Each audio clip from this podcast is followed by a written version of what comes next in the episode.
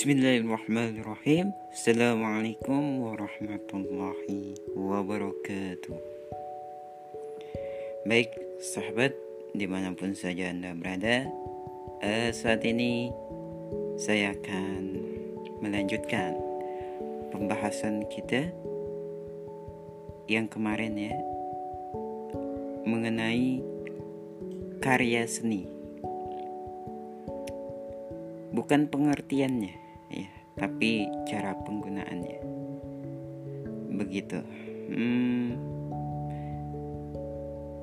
apa saja dan siapa saja sih ya yang mampu men mengoperasikan karya seni? Dan karya seni apa itu yang dioperasikan seperti itu ya?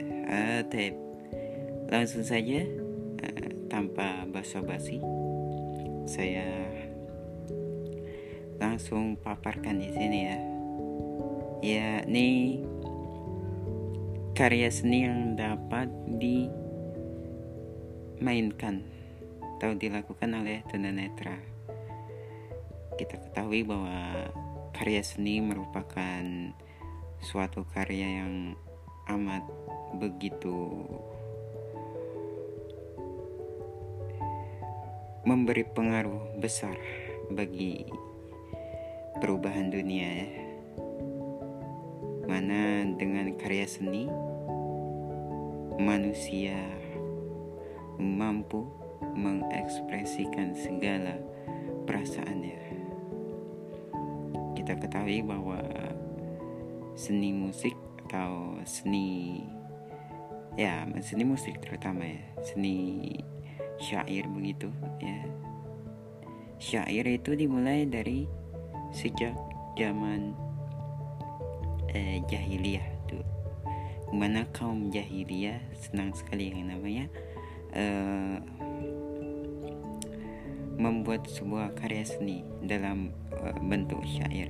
Terus di zaman Islam datang ya syair-syair itu diubah lalu dibuat uh, syair yang bernuansa Islami.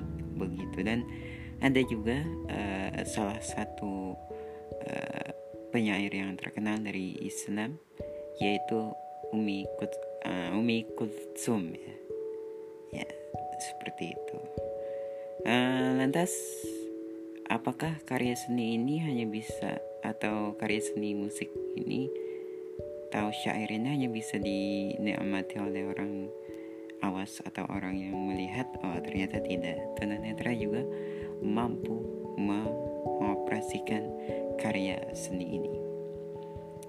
Sebagaimana kita ketahui bahwa uh, di luar sana banyak ya mereka-mereka yang notabene penyandang difabel netra tapi mampu ya mereka mampu bersaing dengan orang-orang awas untuk uh, menunjukkan bakatnya di bidang musik. Selain di bidang musik, mereka juga bisa uh, menunjukkan uh, bakatnya begitu di bidang sastra seperti halnya puisi, cerpen dan lain sebagainya, terutama puisi.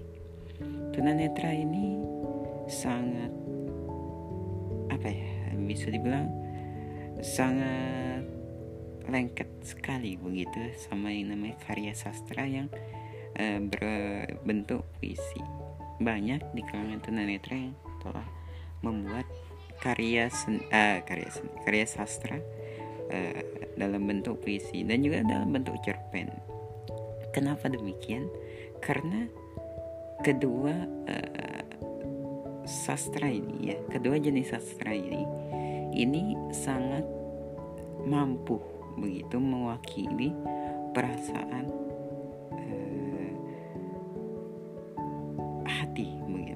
mewakili perasaan batin seseorang. Terutama tunanetra. Tunanetra ini kan uh, luar biasa ya. Uh, di, uh, mereka ini sangat uh, dalam ketika uh, apa namanya memahami sebuah sesuatu.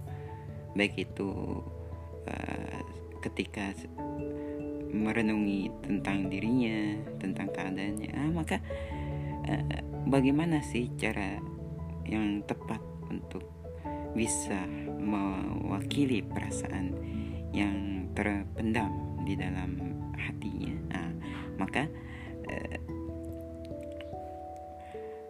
dengan cara inilah para tunanetra mampu mengeluarkan unek-unek yang ada di dalam benaknya ini melalui karya seni puisi dan juga karya seni uh, apa karya sastra uh, ya melalui karya sastra yang berbentuk uh, puisi dan juga uh, cerpen begitu. Uh, taib mungkin ini saja yang dapat saya sampaikan. Kurang lebihnya mohon maaf. Selamat sore dan assalamualaikum warahmatullahi